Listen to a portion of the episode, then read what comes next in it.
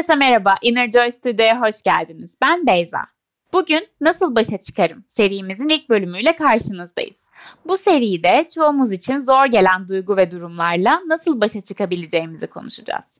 İlk bölümümüzün konusu da kıskançlık ve bu duyguyla nasıl başa çıkacağımız.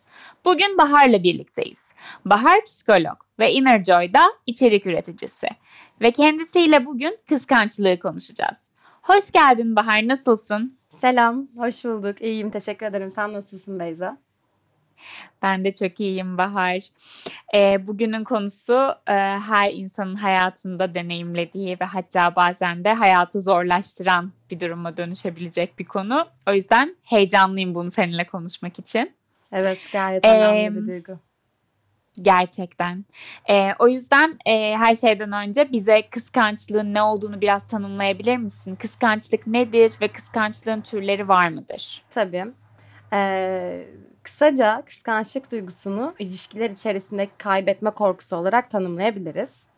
Ee, eğer bir kişi sevdiği bir insanı başka bir yüzünden kaybedeceğini düşünüyorsa o yaşadığı güvensizlik ve korku ile ilgili gelen, korku ile gelen e, düşünce ve diğer duygulara biz kıskançlık diyoruz. E, bu duyguların içerisinde karşı tarafa karşı hissedilen e, küskünlük hali olabilir, öfke olabilir, üzüntü olabilir. Ayrıca bu duyguyu fiziksel olarak da yoğun olarak deneyimleyebiliriz. özellikle karın krampları, kalp çarpıntıları, baş ağrısı, vücutta uyuşma, tansiyon düşüklüğü gibi ciddi fiziksel semptomlara da neden olabilir. Yani bu nedenle oldukça güçlü bir duygu olduğunu söyleyebiliriz.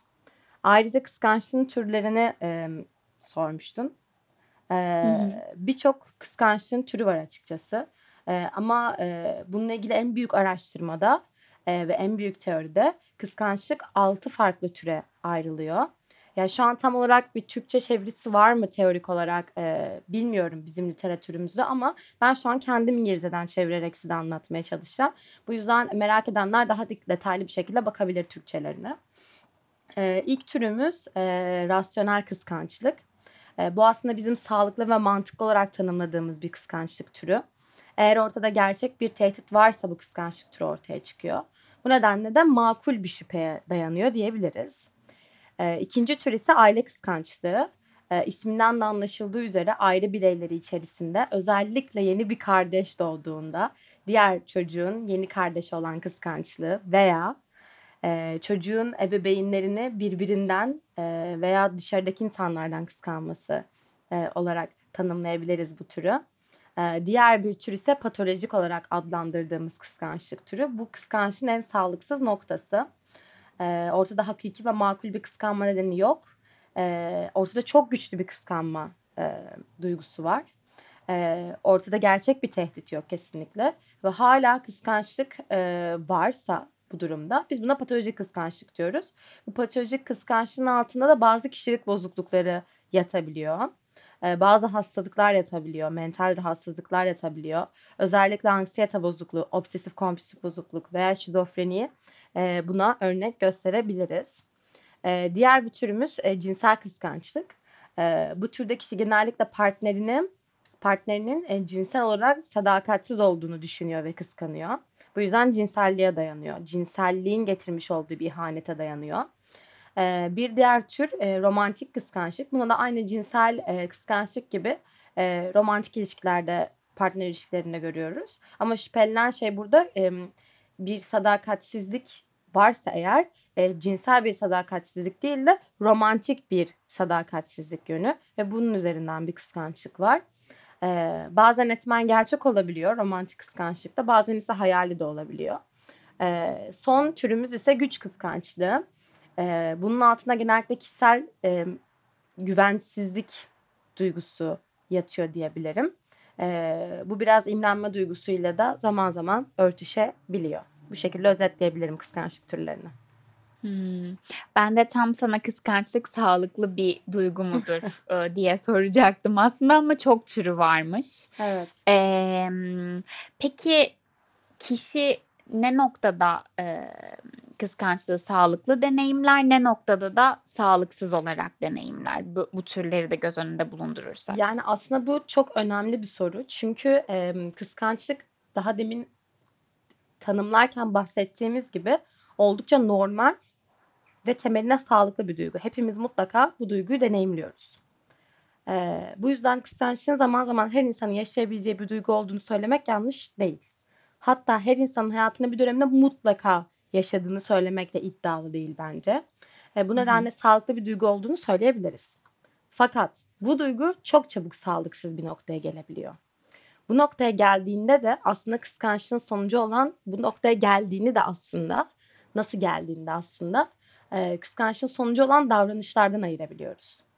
Kıskançlık psikolojik veya fizyo- fizyolojik şiddetin herhangi bir türünü içeriyorsa, mantıksız bir hale dönüştüyse, ilişki içerisinde güvensizliğe ve paranoya, olumsuz duygulara, ciddi olumsuz duygulara neden oluyorsa ve bu çok sıklaştıysa bu duygu sizi veya karşınızdaki kişiyi bir şekilde psikolojik veya fiziksel olarak istismar ediyorsa bu artık kıskançlığın sağlıksız bir noktaya geldiğinin en büyük göstergesi diyebilirim. Hmm. Böyle insanın kendini sürekli çek etmesi gerekiyor o zaman kontrol evet. etmesi e, ne noktada sağlıklı mı? Çünkü hakikaten de e, hepimizin zaman zaman hissettiği bir duygu. E, sebeplerini sen de türlerinde açıkladın hı hı. zaten. E, peki biraz temeline inmek istiyorum konunun. Yani kıskançlığın temelinde ne var da biz bunu bu kadar düşünmüyoruz? Daha önce de dediğim gibi kıskançlığın temelinde sevdiğim bir şeyi veya bir kimseyi başka bir yüzünden kaybetme korkusu var aslında. Peki bu kaybetme korkusunun altında ne vardır diye soracak olursan eğer bu e, cevap bizi muhtemelen düşük benlik saygısına ve güvensizliğe götürecek. E, bu güvensizlik kendimize karşı duyduğumuz bir güvensizlik de olabilir. Fakat karşı taraftaki insana duyduğumuz bir güvensizlik de olabilir. E, bu güvensizlik haklı bir nedene dayanıyor olabilir. E, yani karşımızdaki insan gerçekten güvenimizi kırmış, bize ihanet etmiş ya da ortada bir sadakatsizlik olmuş olabilir. E, ama diğer bir nedenden kaynaklanıyorsa yani düşük öz benlik saygısından kaynaklanıyorsa bu kişinin çocukken maruz kaldığı davranışlarla veya yanlış öğrenilmiş bir benlik algısıyla da alakalı olabilir. Hatta e, yalnızca çocukluk ile alakalı olmayabilir. Kişinin geçmişte yaşamış olduğu travmatik bir romantik ilişkinin sonucu da olabilir. Hmm. İlginç. Hı hı. Ee, az önce konuşurken şöyle bir şey dedin. İmrenmeyle de karıştırılıyor evet. kıskançlık. Ee, peki imrenme ve kıskançlığın arasındaki fark nedir? Kıskançlık kişinin sahip olduğu bir şeyi paylaşamamak, kaybetmek istememek üzerineyken imrenme kişinin sahip olmadığı bir şeyi arzulayıp istemesi üzerine. Yani kıskançlıkta sahip olduğun bir şey var ve onu paylaşmak istemiyorsun. Ama imrenmede sahip olduğun bir şey yok ve onu sahip, onu bir şekilde sahip olmaya çalışıyorsun. Ee, İrem, imrenmek ve kıskançlığın ortaya çıkardığı fiziksel ve duygusal sonuçlar bazen birbirine çok benzer olabilir. Ee, ama tam tersi birbirinden çok da bağımsız olabilir. Kıskançlık söz konusu olduğunda genellikle üç kişiden bahsederiz biz. Kıskanan kişi, kıskanılan kişi ve bu kıskanılan kişinin kimle kıskanıldığı. Fakat imrenmede ise genellikle iki kişi arasında gerçekleşir bu imrenme duygusu. İmrenen kişi ve imrenilen kişi olarak. Ayrıca yapılan araştırmalar kıskançlığın daha güçlü bir duygu olduğunu da gösteriyor. Yine yapılan araştırmalarda kıskançlık yalnızlık, korku, endişe, aldatılmışlık duygularını, imrenme ise suçluluk, utanç, bastırma ve özlem gibi duyguları beraberinde getiriyor diyebilirim. Hmm. Yani benim buradan anladığım kıskançlık zarar veriyor aslında. İmrenmenin e, daha doğal bir şey olduğunu seziyorum senin anlattıklarından. İmrenme de insana zarar verebilir. E, o da sağlıksız bir noktaya dönüşebilir. E, kıskançlık ama evet daha güçlü bir duygu. Bu yüzden daha tehlikeli ve daha çabuk sağlıksız bir duyguya dönüşebilir. E, daha güçlü ve daha yoğun hissedildiği için araştırmalarda bunu gösteriyor açıkçası. Hı hı. E, peki kendimizi kontrol ettik. Diyelim ki e, düşündük, kendimize zarar veriyoruz, bu duyguyla çevremize zarar veriyoruz ve fark ettik ki sağlıksız bir kıskançlığımız var. Sağlıksız bir kıskançlığımız olduğunu düşünüyorsak bununla nasıl başa çıkabiliriz?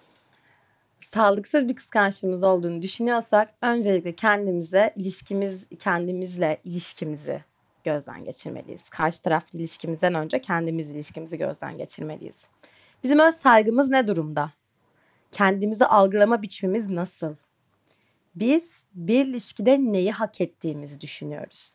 Bazı insanlar bilinç dışlarında gerçekten e, bir değersizlik duygusu taşıdıkları için aldatılmayı, başka bir başka bir tarafından, e, başka birinin e, onları başka birine tercih edebileceği duygularını daha paranoyak bir şekilde yaşayabiliyorlar. Daha endişeli, daha anksiyeteli bir şekilde yaşayabiliyorlar. Çünkü bu insanın e, kendine vermiş olduğu değerle alakalı bir şey.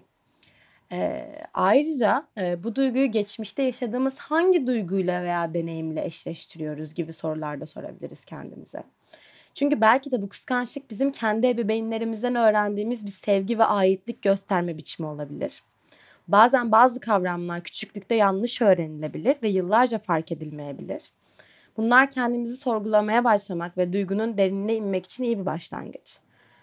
Ee, aynı zamanda bu kıskançlık duygusunun temelinde karşımızdaki insandan gelen bir ihanet de yatabilir. Bu noktada yine kendimize sormamız gereken sorulardan biri e, bu duygudan kurtulabilir miyim ve karşımdaki kişiyi affedebilir miyim? Çünkü ilişki dinamikleri her ilişkide farklı ve her ilişkinin farklı bir e, sadakat e, çizgisi olabilir açıkçası. Hı hı.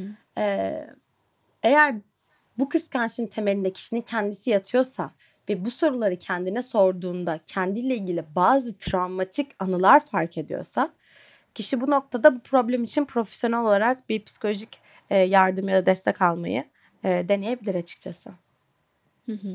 Çok hassas bir terazi. Sürekli kendimizi e, bu noktada kontrol etmemiz gerekiyor. Bir de çok güzel bir noktaya değindin. E, yanlış öğrendiğimiz paternler olabiliyor evet. çocuklukta. E, ve bu döngüyü kırmadıkça da e, hayat bizim için zorlaşabiliyor. Bunu fark edip kendimiz başa çıkamıyorsak profesyonel yardımın altını ben de bir kez daha çizmek isterim. Ve bu e, paternler, bu dediğimiz e, yanlış öğrenilmiş kavramlar, davranışlar, düşünceler bunların hepsi öyle çok çabuk fark edilebilecek insanın aa ben bunu yanlış öğrenmişim diyebileceği şeyler değil. Bazen işinde gerçekten e, bu işle ilgilenen insanlar bile yani ben yalnızca psikologlardan ya da psikiyatristlerden bahsetmiyorum. Gerçekten ruh sağlığını bir hobi olarak da olsa okuyan, ediyen, araştırmaları ok- e, takip eden ya da bu tarz podcastleri dinleyen insanlar da kendileriyle ilgili bazı paternlerin küçükken öğrenmiş oldukları, yanlış öğrenmiş oldukları paternlerin hayatlarını nasıl e, yüksek derecede nasıl şiddetli bir derecede etkiledik etkilediğinin farkında varamıyorlar, farkında olamıyorlar. E, bu noktada e, fark edilmesi oldukça zor bir şey olduğunu altını çizelim bir kere. Hı hı hı. E, fark edilmesi zor ama aynı zamanda fark etmek bir başlangıç. Bu döngüyü hepimiz kırabiliriz evet. fark ettikten sonra ama dediğin gibi hakikaten de insanın e, kendinde fark etmesi zor olabiliyor. Kesinlikle. Ee, diyelim bunu yaptık, içimizde çözdük. Bir de dış dünya faktörü var. Evet. Yani karşımızdaki kişiden sağlıksız bir kıskançlık görüyorsak Hı-hı. bununla nasıl başa çıkabiliriz? Yani aslında biraz önce söylediğim sorular bu şart altında da kişinin kendine sorması gereken sorular olabilir. Yani bir ilişkide kişinin kendine biçtiği değer ile karşısındaki kişinin ona biçtiği değer ve gördüğü değer arasında ciddi bir fark yok aslında. Eğer öz saygı ve sevgimiz kuvvetliyse genellikle saygı ve sevgi gördüğümüz ilişkilere yönelmeye eğilimli oluyoruz biz. Fakat öz saygı ve sevgimizde bir eksiklik varsa daha az değer gördüğümüz e, ilişkilerde bulunmaya meyilli oluyoruz. Bunun sebebi aslında bizim bilinç dışımıza neyi hak ediyorum düşüncemizle alakalı. Kıskanan kişiysek de, kıskanılan kişiysek de ilişkimizle ilgili beklentilerimizi gözden geçirmek çok önemli. Beklentilerimiz makul mü? Karşımızdaki insan bu beklentileri karşılamaya ne kadar meyilli? Çünkü bazen bizim e, beklentilerimiz makul olabiliyor ama bu karşı taraf için makul olmayabiliyor. E, bu yüzden karşı taraftaki insan benim beklentilerimi karşılamaya ne kadar meyilli? Benim beklentilerim gerçekçi mi? Öncelikle. Sonra da evet bu eğer gerçekçiyse karşı taraftaki insan bunu nasıl algılıyor? Bu beklentiler karşılıklı konuşulabilir. Eğer beklentiler eşleşmiyorsa beklentiler e, tekrar gözden geçirilebilir ya da ilişki gözden geçirilebilir. E, ayrıca kıskançlığın temelinde iletişimsizlik de yatıyor olabilir. kıskançlık ortaya çıktığında daha açık ve dürüst bir iletişim şekli tercih edilirse karşılıklı olarak e, belki de sağlıksız bir noktaya geçmeden bu kıskançlık daha makul bir hale getirilebilir ve hatta ortadan belki de kaybolabilir. Ama birçok etmen denendi ve hala ortada sağlıksız bir kıskançlık söz konusuysa bu noktada genellikle çift danışmanlığı e, önerilen ve oldukça güçlü bir alternatif olarak söylenebilir. Ayrıca yapılan birçok araştırmada mindfulness pratiklerinin de kıskançlık anında özellikle kıskanan kişiye ciddi bir yardım sağladığını biz çok iyi biliyoruz. O an o duygu farkındalıkla yaklaşarak, duyguyu vücudumuzun neresinde, nasıl, ne şekilde hissettiğimizi kendimize sorarak, o öfkeli ve endişeli ana farkındalıkla yaklaşarak kendimizi daha sakin ve daha sağlıklı düşünmeye yönlendirebiliriz mindfulness e, pratikleriyle. Hmm, çok güzel söyledin. O duygunun e, içselimizde temeline inerek. Yani Kesinlikle. dışarıda gördüğümüz e, kaldığımız duygularda bile önce bir içimize dönmek. Neden bunu hayatıma çektim diye sormak. Hem mindfulness pratikleri aslında bunu biraz kolaylaştırıyor ama onun ötesinde de e, hak ettiğimiz şekilde yaşıyoruz. Evet ve direkt o kriz anında da sana aslında bu pratikler yardımcı oluyor. Yani bu yalnızca kıskançlık duygusu içerisinde değil, anksiyetede, streste de çok öneriliyor ya. O an gerçekten ciddi bir e, kıskançlık anındasın, öfkelisin, bunu fiziksel olarak hissediyorsun, e, üzüntülüsün, e, endişelisin ve o anki stres seviyen çok yükseldi belli ki. O an o stres seviyesini daha düşük, düşük bir noktaya getirip de daha sağlıklı bir şekilde düşüncelerini yönetebilmen için... E, o ana farkındalıkla, o duyguya farkındalıkla yaklaşmayı deneyebilir insan. Hı hı. Kesinlikle. Ee, son olarak söylemek istediğim bir şey var mı Bahar bu konuyla ilgili? Evet var ve oldukça önemli olduğunu düşünüyorum. O da şu. Kıskançlık duygusu, manipülasyonu ve şiddetin hiçbir biçimini makul ya da haklı gösteremez. Bu şiddet sadece fiziksel olmak zorunda değil, duygusal veya psikolojik de olabilir. Buradan da bunu bizi dinleyen kimsenin unutmamasını özellikle rica ediyorum. Bu çok önemli bir noktaydı. Çok teşekkürler Bahar geldiğin için, bu güzel sohbetin için. Ben çok teşekkür ederim. Çok keyif aldım seninle konuşmaktan yine. Aynı şekilde. Bugün Bahar'la kıskançlığı ve bu duyguyla nasıl başa çıkabileceğimizi konuştuk. Inner Joy hakkında daha detaylı bilgi www.innerjoy.app sitemizden blog yazılarımızı okuyabilir. Meditasyon pratikleri için Innerjoy app'i Google Play veya Apple, Apple Store'dan indirebilirsiniz. Bir sonraki bölümde görüşmek üzere, hoşçakalın.